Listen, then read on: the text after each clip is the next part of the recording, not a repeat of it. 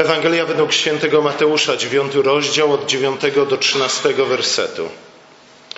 Odchodząc stamtąd, Jezus ujrzał człowieka imieniem Mateusz, siedzącego w komorze celnej i rzekł do niego: Pójdź za mną. On wstał i poszedł za nim. Gdy Jezus siedział w domu za stołem, przyszło wielu celników i grzeszników i siedzieli wraz z Jezusem i jego uczniami. Widząc to, faryzeusze mówili do jego uczniów: Dlaczego wasz nauczyciel jada wspólnie z celnikami i grzesznikami? A usłyszawszy to, rzekł: Nie, nie potrzebują lekarza zdrowi, lecz ci, którzy się źle mają. Idźcie i starajcie się zrozumieć, co znaczy: Chcę raczej miłosierdzia niż ofiary, bo nie przyszedłem powołać sprawiedliwych, ale grzeszników. Oto słowo Boże. Jezus przechodzi obok biura poborcy podatkowego, bo tym był Mateusz, i powołuje Mateusza właśnie na jednego ze swoich uczniów, a właściwie na jednego z dwunastu apostołów. Potem udaje się do domu Mateusza i tam zasiada do stołu wspólnie z celnikami i grzesznikami. I to właśnie budzi bardzo niechętną reakcję faryzeuszów. Żydzi, a zwłaszcza ci bardziej religijni, czy ci bardziej konserwatywni, czy bardziej patriotycznie nastawieni, nie lubili poborców podatkowych. A to z dwóch powodów. Oczywiście nikt nie lubi płacić podatków. Dlatego posłowie cieszą się największymi ulgami podatkowymi. Ale z drugiej strony tu dochodziła jeszcze inna rzecz, a mianowicie to, że ci ludzie zbierali podatki nie na państwo żydowskie, ale na imperium rzymskie. I to był problem. Nie? Problem raz, że właśnie uczucia patriotyczne nie za bardzo im pozwalały dotować siły okupacyjne, mniejsza z tym, jakby wyglądało tak naprawdę życie, gdyby Rzym nie panował w Palestynie w tym czasie. Wiemy z Pisma Świętego, że to właśnie kiedy Izrael sam się rządził, warunki życia w Izraelu bywały najgorsze. Także często okupacja i niewola była tak naprawdę ratunkiem dla uciśnionych i tak dalej, i tak dalej.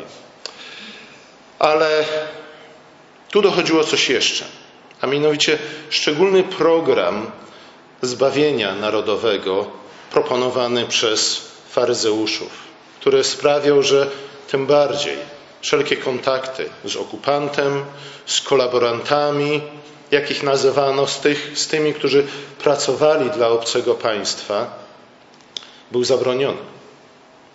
Był zabroniony, był bardzo niechętnie widziany ze względu na to, że kontakt z poganami, a zwłaszcza spożywanie wspólnych posiłków z poganami, prowadziło do zanieczyszczenia ceremonialnego Żydów, którzy uczestniczyli w tego typu biesiadach. A to oznaczało, zdaniem faryzeuszów, że dopóki nieczyste stopy pogan depczą świętą ziemię Izraela, dopóki Żydzi współpracując z poganami zanieczyszczają sami siebie, dopóty Izrael nie będzie cieszył się zbawieniem, nie będzie cieszył się ratunkiem, nie będzie się cieszył powodzeniem i wolnością. Obecność Rzymian była dla faryzeuszów czymś bardzo obraźliwym. Była tak naprawdę główną przeszkodą ku wolności i sprawiedliwości w niepodległym państwie Izrael. Ale znów była przeszkodą na dwa sposoby. Z jednej strony oczywiście była siłą okupacyjną, ale z drugiej strony, zdaniem faryzeuszów, o wiele większym było problemem to, iż oni przez swoją obecność zanieczyszczali ziemię świętą. Przyszłość Izraela zależała od zachowania odpowiedniego dystansu od nieczystych pogan, a także od tych Żydów, którzy z nimi kolaborowali. A coś bardziej oczywistego, e, jeśli chodzi o kolaborację, niż właśnie pracowanie dla okupanta rzymskiego i zbieranie dla niego podatków. Pozbycie się tego źródła nieczystości miało doprowadzić do cudownego uwolnienia Izraela spod okupacji rzymskiej, do złotego wieku w historii, Izra w historii Izraela. Nie walka mieczem z Rzymianami, tego próbowały inne grupy Żydów w tamtych czasach, ale właśnie na drodze odnowy religijnej. Przy czym ta odnowa religijna była zrozumiana w bardzo szczególny, specyficzny sposób, a mianowicie jako zachowanie dystansu od pogan i od tymi, tych, którzy z nimi kolaboro, kola, kola, kolaborowali. Chyba tak to się mówi. Dla faryzeuszów dodatkowo e, tym wyrazem wspólnoty, jednoty Izraela, tych, którzy zachowali czystość, tych, którzy pozostali wierni Bogu, e, były wspólne posiłki. Ale wspólne posiłki, które nie tylko były wyrazem nauczania ich na temat czystości, ale wspólne posiłki, które odbywało się tylko i wyłącznie w ścisłym, kontrolowanym gronie, a więc tylko tych, którzy sami byli czyści. Tam żaden celnik nie mógł być zaproszony do stołu. Tam żaden grzesznik, jakkolwiek by to jego nie rozumieć, nie miał miejsca. Wspólne posiłki w ścisłym gronie, zamknięte dla nieczystych, były miarą uświęcenia, a zatem poświęcenia się, oddania się, wierności się Bogu, oddzielenia od nieczystych, a zatem były głównym sposobem na ratowanie Izraela od sił nieczystych. Słuchajcie, to trochę przypomina nam to, co dzieje się y, na nabożeństwie, nie? Ze względu na to, że my również wierzymy to, iż kiedy przychodzimy do stołu pańskiego, to jest główny, główny sposób na to, aby Królestwo Boże przybliżało się i nastawało w coraz większym pełni. Nie? Ze względu na to, że to właśnie przy stole zbieramy się przy Chrystusie, wokół Chrystusa i karmimy się Jego zmartwychwstałym życiem. Do, do, do Jesteśmy oczyszczeni, ale jesteśmy też umocnieni, jesteśmy pouczeni, stajemy się źródłem wody żywej, stajemy się światłością jako tacy wracamy do świata. A jednak były bardzo istotne różnice między jednym a drugim. Słuchajcie, kwestia wspólnych posiłków pojawia się bardzo często w Piśmie Świętym. Za każdym razem, kiedy Pan Bóg czy to zawiera, czy odnawia przymierze ze swoim ludem, Czyni to przy pomocy czego? Właśnie posiłku. Ten posiłek nie jest jakimś dodatkiem nieistotnym, ale jest tak naprawdę przynależy do istoty przymierza.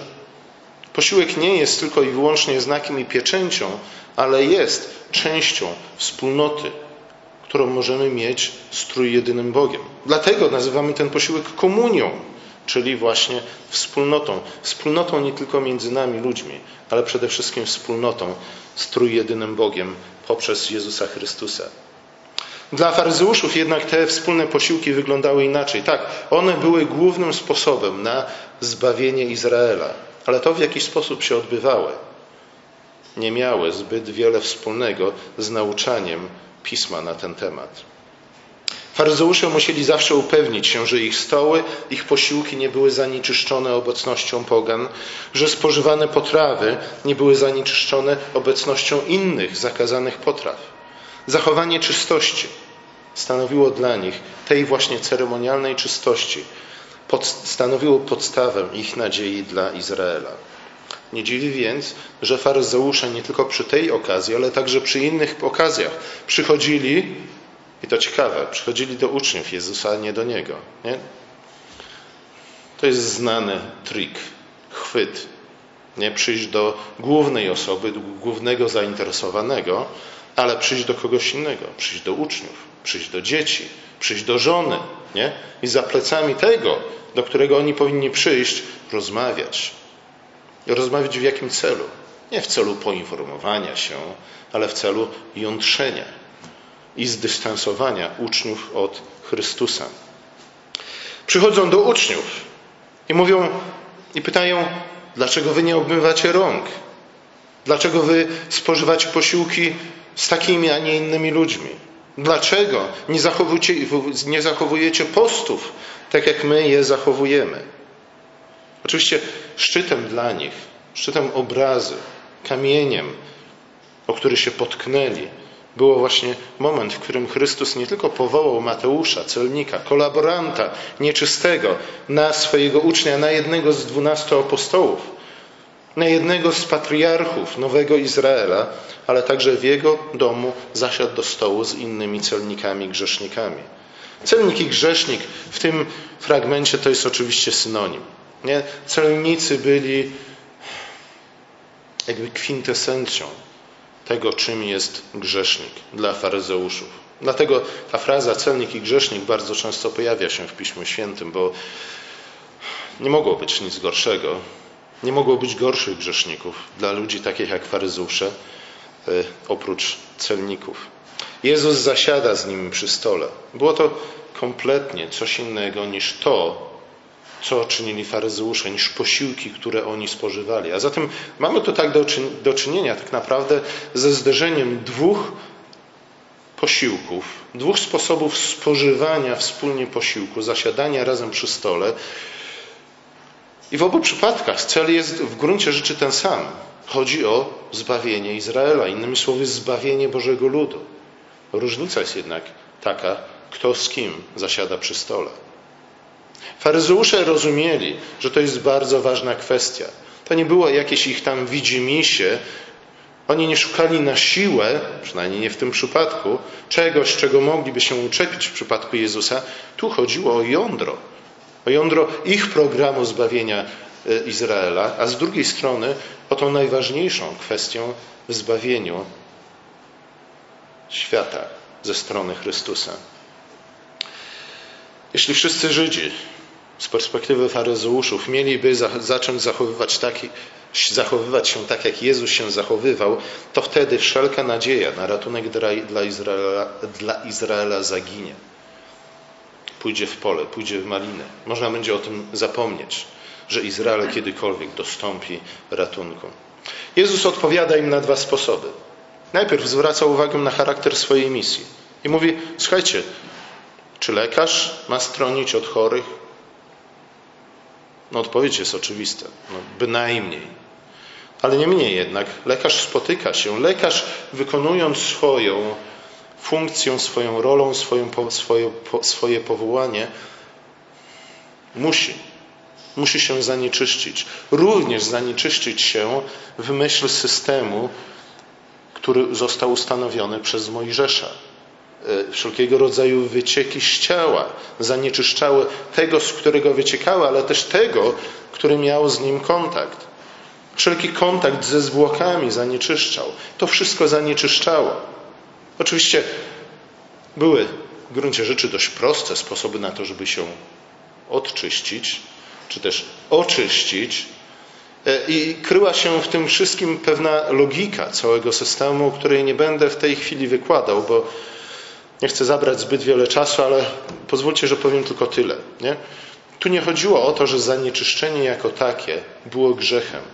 Raczej zawsze w systemie mojżeszowym wskazywało na to, że to, co wychodzi z człowieka, to go zanieczyszcza. To, co wychodzi z jego serca, to jest źródłem problemu. To, co zanieczyszcza nas, jednocześnie uśmierca nas. A dzieje się tak ze względu na to, że żyjemy w oddaleniu od Boga. Dlatego pierwszym krokiem, czy to w liturgii Starego, czy Nowego Testamentu, jest właśnie wyznanie grzechów, jest, jest zadośćuczynienie, jest pojednanie się z Bogiem, oczyszczenie się, abyśmy mogli wrócić do tego, który jest źródłem życia, wszelkiego dobra, wszelkiej prawdy. Abyśmy mogli napić, napić się wody ze źródła wody żywej i sami stać się źródłem tejże wody. Jezus zatem mówi, lekarz musi się ubrudzić, nie? hydraulik musi się ubrudzić. Y, ktokolwiek, kto wykonuje jakąkolwiek pracę, musi się ubrudzić. Nawet jak ktoś pracuje w urzędzie, musi się ubrudzić. Nie? Przychodzi do domu i całe ręce ma poplamione atramentem. Jezus mówi, nie da rady. Nie chodzi o to, żebyśmy w sposób chorobliwy unikali zanieczyszczenia, bo w tym momencie życie przestałoby być możliwe. Chodzi raczej o to, w jakim celu się zanieczyszczamy. Nie? Czy zanieczyszczamy się po to, aby uczestniczyć w cudzym grzechu, czy raczej zanieczyszczamy się po to, aby kogoś uratować, aby kogoś uleczyć, jeśli jest się lekarzem. Chrystus przyszedł po to, aby uzdrawiać, aby uwalniać, aby jednać ludzi z Bogiem, aby prowadzić ich ku nowemu życiu, ku zmartwychwstaniu. To jest misja lekarska. To jest też w pewnym sensie misja wojskowa. Tu nie ma, że tak powiem, sterylności laboratorium. Lekarz musi ubrudzić sobie ręce. Ale właśnie Jezus spotyka się z chorymi, którzy potrzebują Jego pomocy właśnie przy stole. Przy stole chorzy mogą znaleźć uzdrowienie. W tym celu Jezus zasiada z celnikami i grzesznikami. Zasiada z tymi, którzy tak naprawdę są świadomi tego, że potrzebują lekarza. Bo to była główna różnica między celnikami i grzesznikami z jednej strony, a z drugiej strony faryzeuszami. Jedni byli na tyle pokorni i na tyle zdeterminowani, żeby uznać potrzebę Chrystusa, żeby uznać własną grzeszność, żeby zacząć mówić prawdę sobie samemu, o sobie samym. Tak, jestem grzesznikiem i celnikiem. Tak, potrzebuję lekarza. Tak, potrzebuję uzdrowienia, ponieważ sam sobie nie poradzę.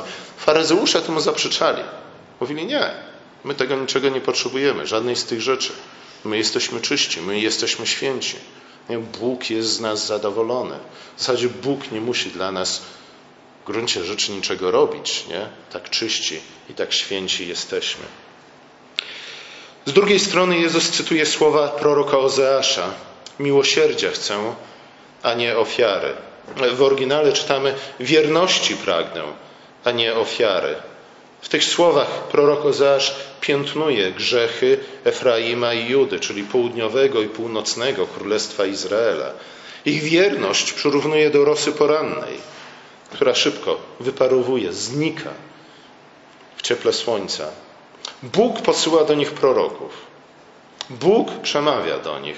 Bóg daje im dobre dary. Bóg okazuje im swoją dobroć i miłość. Bóg okazuje im swoją wierność i miłosierdzie.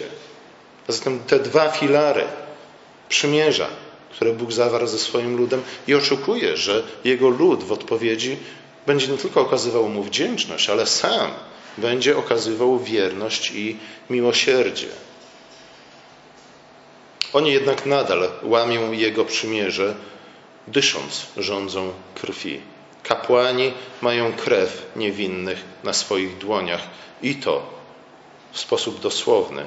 Efraim dopuszcza się duchowego cudzołóstwa, udaje się za obcymi bogami, a mimo to nadal składają ofiary, tak jakby Bóg rzeczywiście żywił się krwią, mięsem, tłuszczem byków i baranów. Ale Bóg mówi: Wierności chcę. A raczej powinniśmy powiedzieć: wiernej miłości pragnę, a nie ofiary, poznania Boga, niż całopaleń. Jezus właśnie w ten sposób interpretuje ten fragment. Wierna miłość, czyli wierność, miłosierdzie, współczucie. Jeśli jesteśmy ludem, którzy żyją w przymierzu z Bogiem, to mamy przynajmniej starać się odzwierciedlać te dwie cechy, które charakteryzują naszego Pana. Tego Bóg bardziej oczekuje od swoich wyznawców niż samych tylko ofiar ze zwierząt. Zatem Jezus nie tyle potępia faryzeuszów za ich skrupulatne przepis, przestrzeganie przepisów dotyczących czystości rytualnej, tak jak później nie potępia ich za to, że są skrupulatni w oddawaniu dziesięciny. W jednym i w drugim przypadku mówi jednak, ale słuchajcie, jedno i drugie tak naprawdę ma nas prowadzić do czegoś ważniejszego.